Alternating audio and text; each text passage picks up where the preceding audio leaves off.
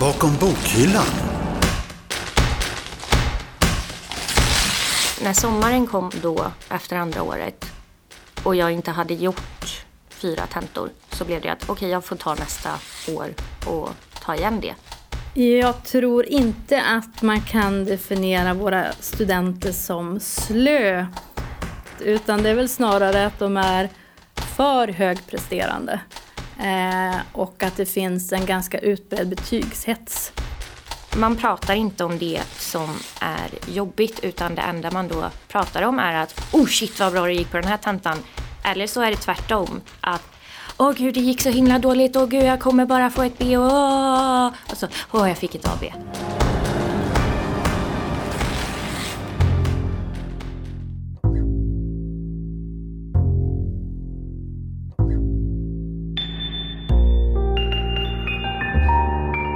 Jag hamnade i den här omtentafällan redan efter första terminen faktiskt. För då började, då började första stora kursen. Och eh, då hade jag bott här i ett halvår och det var tufft. Och då kände jag att jag kommer inte hinna få det betyget jag vill ha. Så då gör jag, då, då gör jag tentan på omtenta tillfället. Och då blir det att jag gör, då gör jag den andra lilla kursen, då gör jag den i augusti. Så det har inte gått en enda sommar utan att jag har haft en tenta i augusti. Jag hade ju tänkt att det bara skulle vara så den terminen.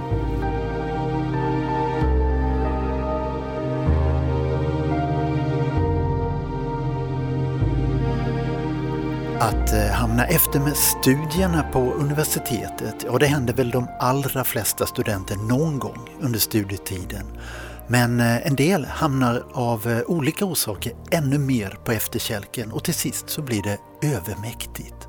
Omtentafällan blir ett faktum.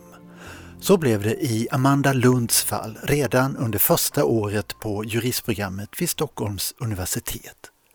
Välkomna till Bakom bokhyllan. Jag heter Urban Göransson och eh, i det här femtonde avsnittet av universitetsbibliotekets podd ska vi ta upp det som kallas för omtentafällan.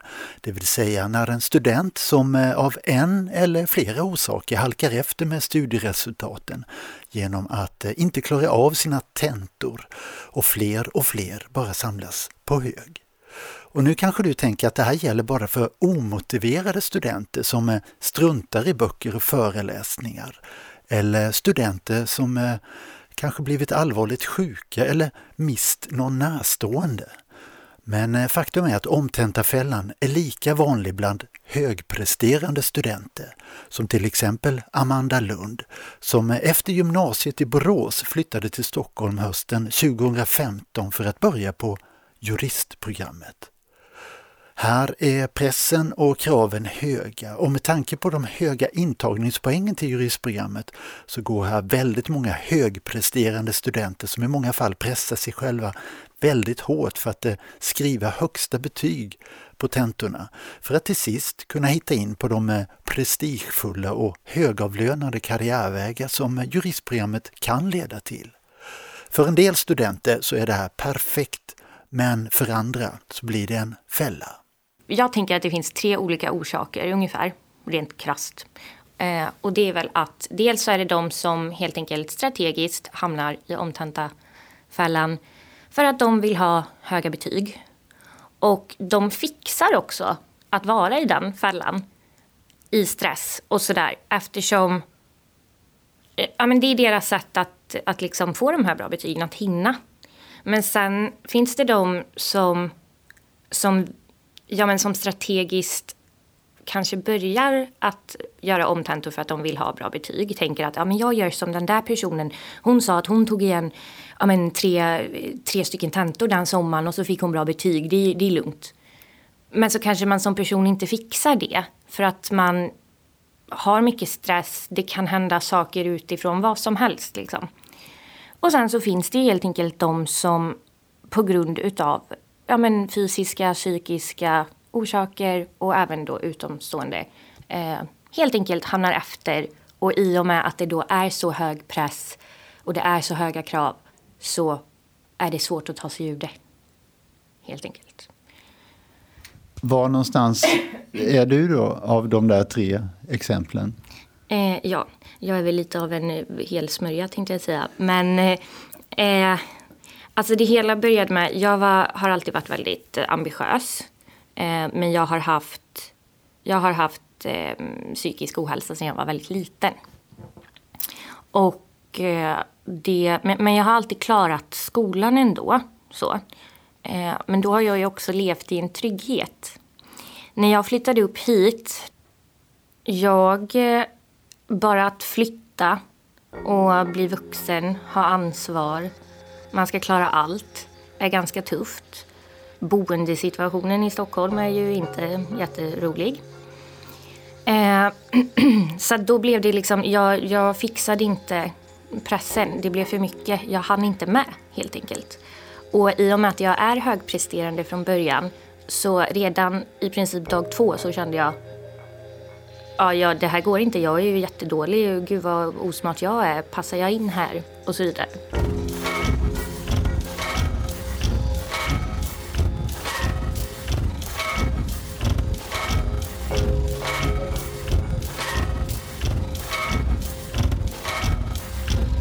I och med att jag, jag hade klarat, jag klarade en tenta av fem. Och det var inte för att jag inte, jag gjorde inte de andra tentorna. Det var inte så att jag misslyckades utan jag gjorde dem inte. Eh, och det innebär ju inte CSN. Och det är ju så här, alltså det är ett så konstant stressmoment liksom. Och det jag kände var väl också att jag ville nästan inte gå till skolan för att man, alltså framförallt i början så märker andra studenter att man är borta och man själv tänker... An, andra tänker ju kanske inte heller på liksom, vad gör hon eller sådär. Men som individ så tänker man ju att Åh, nu ser alla mig att jag är i skolan idag men inte har varit här på två veckor och sådär. Så det blir lite, det blir, ja, men det blir en fälla det också. Ett, liksom, allt blir bara en väldigt ond cirkel. Mm. Eh, Ja, du slöt dig inåt och drog dig undan och, och, ja, det blev en tredje ond cirkel i sig. Då. Studierna, CSN och sen ja, fjärde kan man ju säga eftersom du också var sjuk så att säga. Ja, eh, men sen så tänkte jag i och med att hoppet är det sista som lämnar en. Så tänkte jag att nej men okej, det är okej för att jag kan få CSN för jag har ju så mycket kontakt med läkare och psykologer och hit och dit. Eh, så att jag fick ju lite intyg och sådär, eller inte lite, ganska många. Eh, och tänkte att okej, okay, men det, det, löser sig. Under den här tiden så hade jag också väldigt mycket problem med boende och fick flytta runt väldigt mycket. Eh, men, men, så då blev ju det helt enkelt att när jag när sommaren kom då efter andra året och jag inte hade gjort fyra tentor så blev det att okej, okay, jag får ta nästa år och ta igen det. Fast början var ju att jag skulle ta igen fyra tentor på en termin. Men ja, du förstår, det blir liksom, det går inte. Eh, men sen var det inte så lätt att få CSN ändå. Utan de ansåg att eh, har, har du klarat det innan så ska du klara det nu. Bakom bokhyllan. Allt utom boktips. Jag tror inte att man kan definiera våra studenter som slö. Inte, inte generellt sett, utan det är väl snarare att de är för högpresterande eh, och att det finns en ganska utbredd betygshets. Så att eh, jag tror att det helt enkelt kan bli övermäktigt ibland. Lektor Åsa Örnberg vid Stockholms universitet är eh, kursförståndare för eh, juristprogrammets sjätte termin som spänner över den stora kursen Förvaltningsrätt, där eh, mellan 220 till 250 studenter ska ta sig igenom varje läsår jag kommer ju självklart i kontakt med de studenter som söker upp mig. För det, jag försöker verkligen peppa studenterna att om det är tungt till exempel med uppsatsmomentet, eh, prata med mig. För jag försöker avdramatisera. Ibland så blir det ju väldigt eh, Ja, det blir prestationsångest, det upplevs jättejobbigt, eh, studenten kanske inte kommer igång med skrivandet överhuvudtaget. Och då uppmuntrar jag dem att ta kontakt med mig. Och så försöker jag stötta, peppa avdramatisera och verkligen få, få igång skrivandet. Så att på så sätt så kommer jag i kontakt med studenter. Men då är det ju mycket upp till dem själva att, att söka upp mig. Eh, för jag har inte så stora möjligheter att identifiera dem och leta upp dem själva. Men jag hoppas att studenterna upplever att, att min dörr står öppen om de vill prata med mig.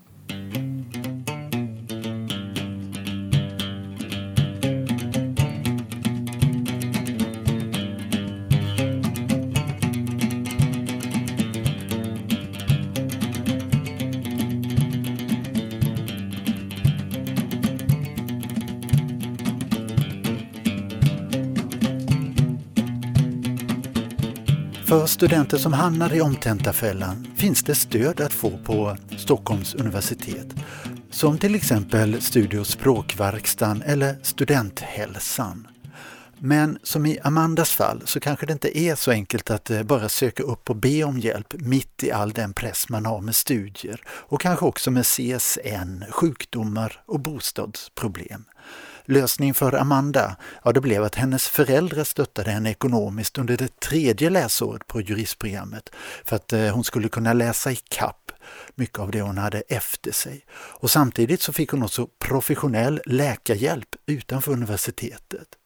Så medan hon läste i kapp genomgick Amanda också en ettårig läkarutredning som till sist mynnade ut med att hon fick en ADHD-diagnos. Men, men, eh, jag tog igen. Jag tog igen i alla fall tre tentor fram till sommaren och en, ett obligatorium. Eh, så att jag fick CSN nu då till hösten 2018. Och då fick jag äntligen mitt eget boende också. Så det var skönt.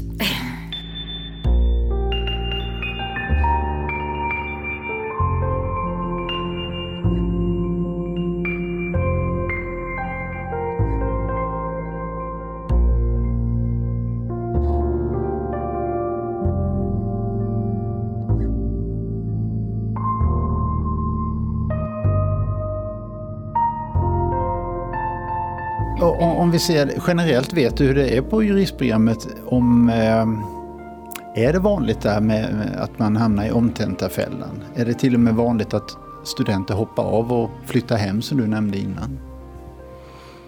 Det är det, det är det, som är så himla intressant för att det är ingenting man pratar om.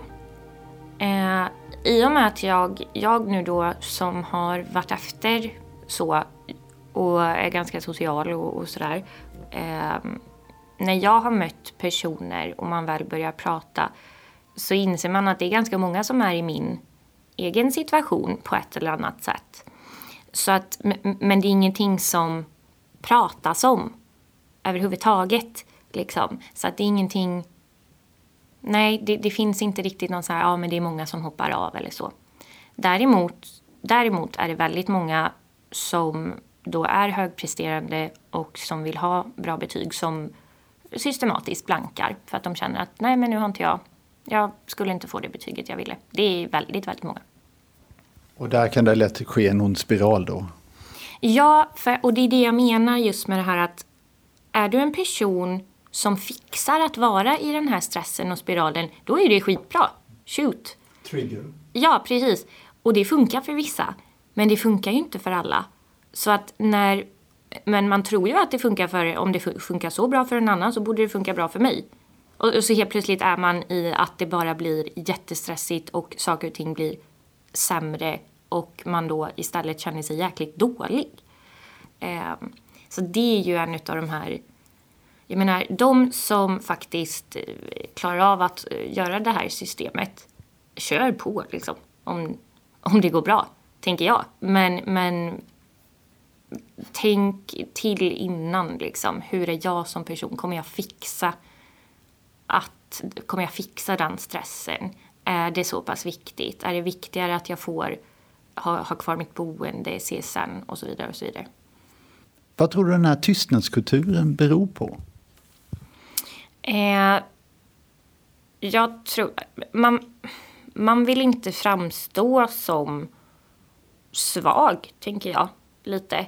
Och istället för att ja, men pusha varandra eller finnas där för varandra och nu vill jag också bara inflika att det självklart finns personer som också gör det, så att det är så. Men i, i helheten så tror jag att ja, men man, man pratar inte om det som är jobbigt utan det enda man då pratar om är att oh shit vad bra det gick på den här tentan. Eller så är det tvärtom. Att åh gud det gick så himla dåligt, åh gud jag kommer bara få ett B och, åh. och så åh jag fick ett AB. Du vet den där grejen. medans man kanske, jag vet för när jag skrev min första tenta så var jag skitglad. Jag var nästan lyrisk. Åh, jag är klar, jag har skrivit min första universitetstenta. Men det var jättemånga andra som var liksom helt jätteledsna och bara nu är hela livet bara skit också liksom. Och då menar du att de var ledsna för att de bara klarade det och inte spetsade? Ja, de gjorde de, de, de bara klarade det. De kanske fick AB sen.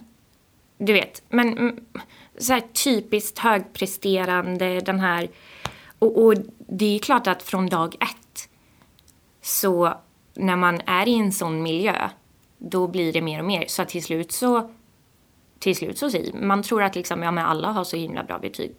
Så då pratar man inte om det. Så det är lite som att våga prata om, om dina betyg om du är glad och nöjd över dem. Men, men gör det inte heller till liksom att det är allt som, som det kretsar kring. Det är lite det, för att nu har det blivit som att betyg, betyg, betyg. Det handlar ju inte om det. Vi pluggar juridik. Hallå, hur du, vad, vad vill du göra i framtiden? Vad tycker du är kul? Shit, vad intressant det här fallet var. Eller du vet, sådär mer. Eh, istället för hetsen. Ja. Och när en person vågar säga någonting så vågar ju fler. Ja, men jag känner lite så här eller jag känner också så här. Och då börjar man prata om det. Det blir en solidarisk handling att faktiskt säga ifrån någonstans. Eller att vara ärlig.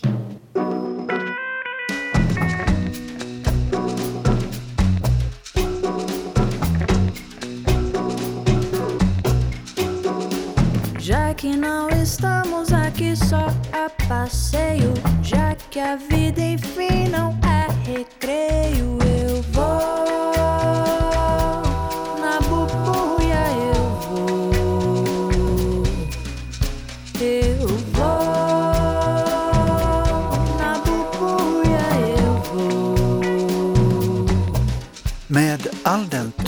erfarenhet som Amanda fått av sin omtentafälla på juristprogrammet har hon nu engagerat sig i den nybildade kårföreningen IHJ, Initiativ för ett hållbart juristprogram, som eh, arbetar för att förändra kulturen på just juristprogrammet.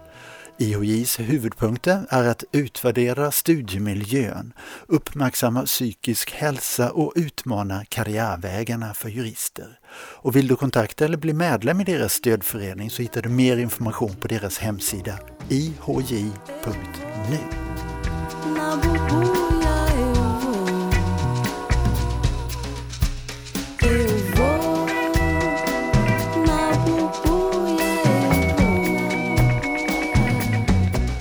Det som är så bra är ju också att det handlar inte om att eh, vi vill sänka kraven på juristprogrammet. Det är inte det. Utan det handlar snarare om att få ett mer hållbart studiesätt. Att man ska kunna må bra under tiden som man studerar.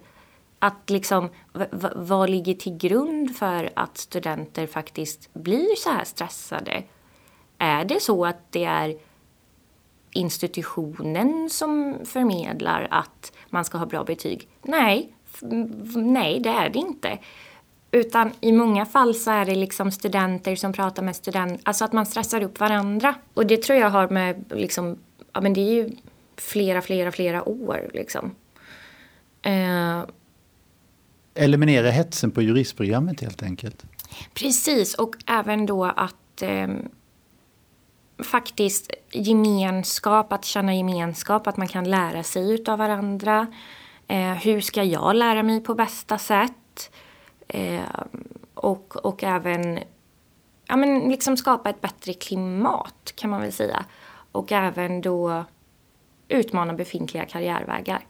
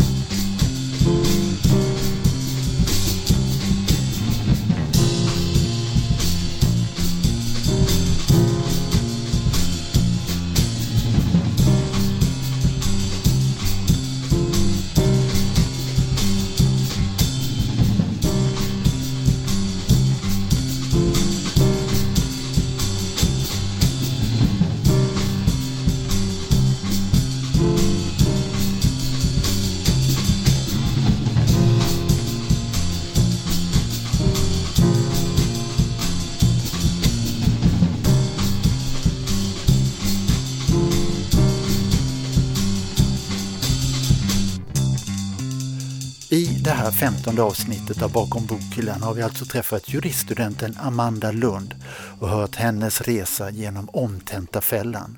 Och Bakom bokhyllan är tillbaka igen med ett nytt avsnitt om två veckor igen. Vi som jobbar med universitetsbibliotekets podd är Karl Edqvist, Julia Milder och så jag Urban Göransson. Programsignaturen Die Zeitung som vi använder i Bakom bokhyllan är komponerad av eh, Stefan Levin och all annan musik du hört i det här avsnittet, ja de är samtliga licensierade under Creative Commons. Om du vill kontakta oss i redaktionen eller få mer information om podden så går du in på universitetsbibliotekets webb su.se biblioteket. Och på vår sida där så hittar du också länkar till eh, olika former av stöd som finns att få på Stockholms universitet om du hamnat på efterkälken med dina studier.